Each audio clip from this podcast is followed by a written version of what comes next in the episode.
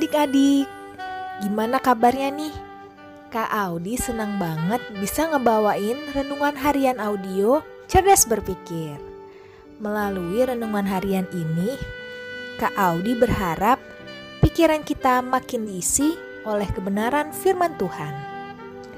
Adik-adik, kita masih ngebahas tentang buah roh ya, yang terambil dari Galatia 5 ayat 22 sampai 23. Bunyinya, tetapi buah roh ialah kasih, sukacita, damai sejahtera, kesabaran, kemurahan, kebaikan, kesetiaan, kelemah lembutan, penguasaan diri.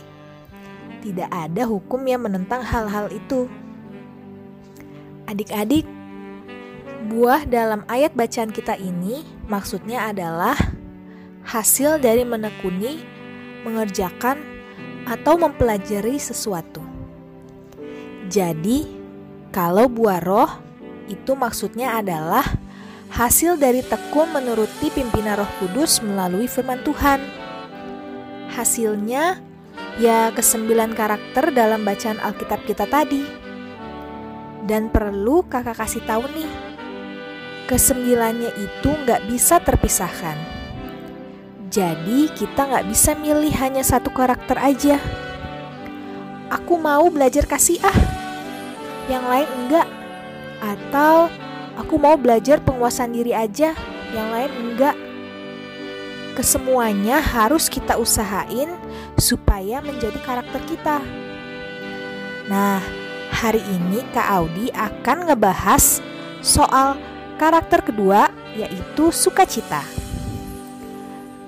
Adik-adik, ada beberapa ayat di dalam Alkitab, baik Perjanjian Lama maupun Perjanjian Baru, yang ngebahas soal sukacita atau bersukacita. Salah satu yang terkenal nih ya, dalam Filipi 4 ayat 4, yang bunyinya, Bersukacitalah senantiasa dalam Tuhan. Sekali lagi kukatakan, bersukacitalah Kak, jadi kita kayak orang gila dong kak. Bersuka cita terus-terusan. Lagi diomelin bersuka cita. Lagi sedih malah ketawa. Hmm, gak gitu maksudnya. Kita tentu harus menyesuaikan diri dengan keadaan lah. Masa kita bersuka cita pas misalnya lagi hadir di acara kedukaan? Nah, Sukacita yang dimaksud paling enggak ada dua makna nih. Yang pertama, gak galau, bersedih, murung secara berlarut-larut atau kelamaan. Apalagi sampai ngerasa seolah-olah kesedihan kita adalah hal tersedih di dunia. Dan gak ada yang bisa bikin kita bahagia. Kita boleh aja bersedih, selama kita hidup di dunia ini. Pasti adalah yang bikin kita sedih.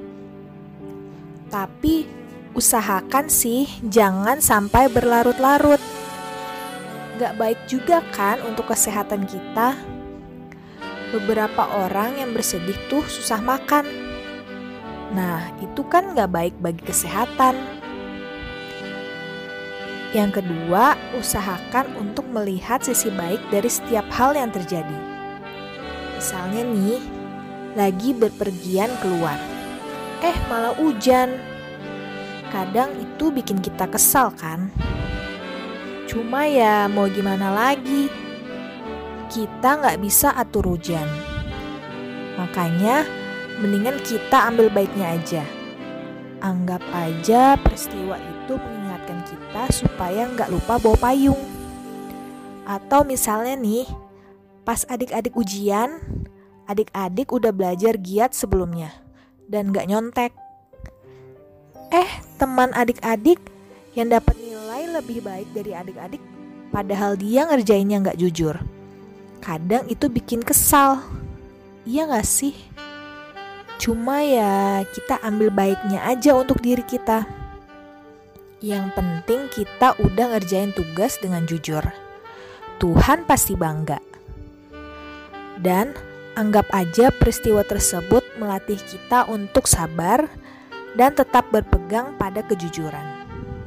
Adik-adik, kalau kita berhasil menemukan hal baik di setiap peristiwa, maka akan muncul rasa sukacita. Wah, ternyata ada sisi positifnya ya. Mungkin itu reaksi kita dalam hati. Adik-adik, kalau kita menjalani hidup dengan sukacita, maka kita akan mudah bersyukur. Kita akan tenang dalam mengambil keputusan, mau berbuat ini atau itu. Orang melihat kita juga jadi senang kan? Bukan malah bete gara-gara lebih sering lihat kita murung.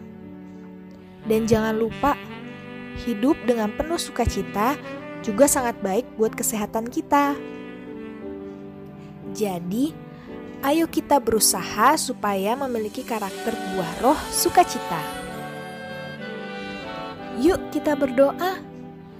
Tuhan Yesus, terima kasih untuk penyertaan-Mu dan kasih-Mu yang selalu baru bagi kami. Kami sungguh bersyukur memiliki Engkau Allah yang hidup, Allah yang selalu beserta dengan kami. Ajar kami ya Tuhan agar memiliki kasih seperti-Mu. Kalau hari ini kami belajar untuk terus bersuka cita, kiranya ya Tuhan, ajar kami agar selalu memiliki hati sukacita bagaimanapun keadaan kami saat ini. Dengan begitu, kami juga akan belajar bagaimana untuk bersyukur. Buat kami untuk selalu memiliki pikiran positif dan perilaku yang seperti Engkau. Terima kasih ya Tuhan, inilah doa kami. Kami siap memiliki hati yang penuh sukacita. Haleluya. Amin. Oke adik-adik, tetap sehat, tetap semangat, dan tetap jadi berkat. Tuhan Yesus memberkati. Dadah.